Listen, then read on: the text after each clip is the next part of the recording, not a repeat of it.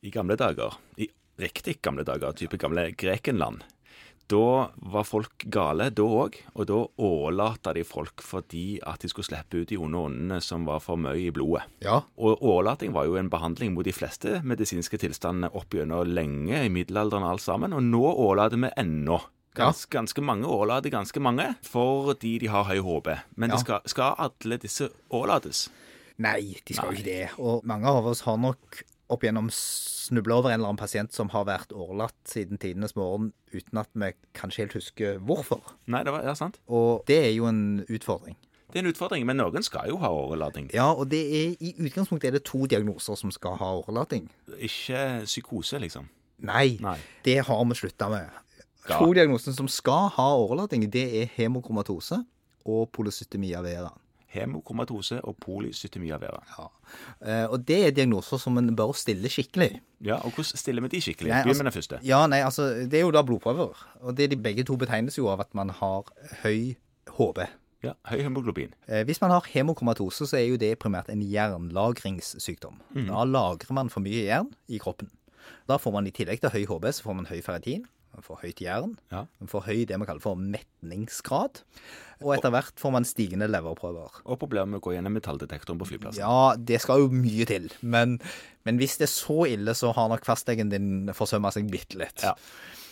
Det som er greit med hemokromatose, er at vi vet noen ting om hvilket gen det er som genererer problemer for det. Ja. Og da finnes det en grei gentest å ta. Eh, En blodprøve. Sende til et spesiallaboratorium. Det er ikke alle laboratorium som gjør den. Og så får man da et svar. Om du er homo eller heterozygot. Ja. Om du er homozygot syk, eller heterozygot syk, eller homozygot frisk. Som man jo også kan være Det kan man jo. selv om man har mistenkt hemokromatose. Og for at man skal få hemokromatose, så må man i de aller fleste tilfeller være homozygot syk. Ja. Ja. Og Hvis man ikke er det, så bør man tenke på andre årsaker til at disse prøvene ser ut som de gjør. Eh, Så det er den ene gruppen. Den, Men det var hemokromatose. Ja. Men det kan du vel òg se på høy HB og høye jernlager og sånne ting. ja, men det er sånn at du kan egentlig ikke stille diagnosen helt sikkert uten å gjøre den gentesten. OK. Så den bør man gjøre. Og jeg tenker at hvis du sitter med journalen din og lurer litt på om det er det, så er det å gå etter om det er gjort. Ja. Eh, Det kan være gjort for uminnelige tider siden. Det kan være at det er glemt. Eh, Og da kan det være greit å sjekke. Men polycytemia vera, da? Ja, det er jo en, egentlig en slags overproduksjon av røde blodceller. Ja. Eh, Nærmest en kreftsykdom.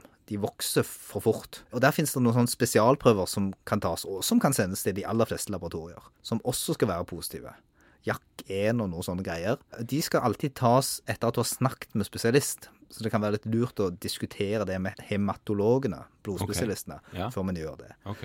Det er nok også en litt sjeldnere sykdom. Men så finnes det jo mange andre årsaker til høy HB. Ja, det gjør det. Og det er jo kanskje grunnen til at vi går litt i bar på dette. Jeg, jeg hadde en en gang som, som røykte på seg høy HB. Ja, det går an. Ja. Eh, og så er det noen som bare har det. Ja, Men du kan jo ikke drive og ålate alle de som har eh, en eh, høy HB og syns det er kjempegøy med langdistanseidrett. Nei. Og, og det, det som er poenget her, er at det som er lurt å gjøre, er å la være å årelate de bitte litt, og så følge de litt med blodprøver. Ja. Og se hva det er som skjer. For har de en hemokromatose, eller en polycytemia vera, så vil de stige jevnt og trutt. Mens hvis de ikke har det, hvis de på en måte av andre årsaker, eller av genetiske årsaker, eller fordi de røyker og drikker, har høy HB og litt høye leverprøver, så vil det forekomme seg ganske stabilt. Ikke sant? Og det kan være en grei måte å tenke gjennom dette på før man går i gang med svær avansert behandling. For det er jo tidkrevende. Med venesektio på eh, allmennlegekontoret? Ja. ja, det tar litt tid. Ja, Iallfall for hjelpepersonellet. Det er jo sjelden man gjør sånn selv. Kontoret som helhet bruker litt kapasitet på det. Ja. ja.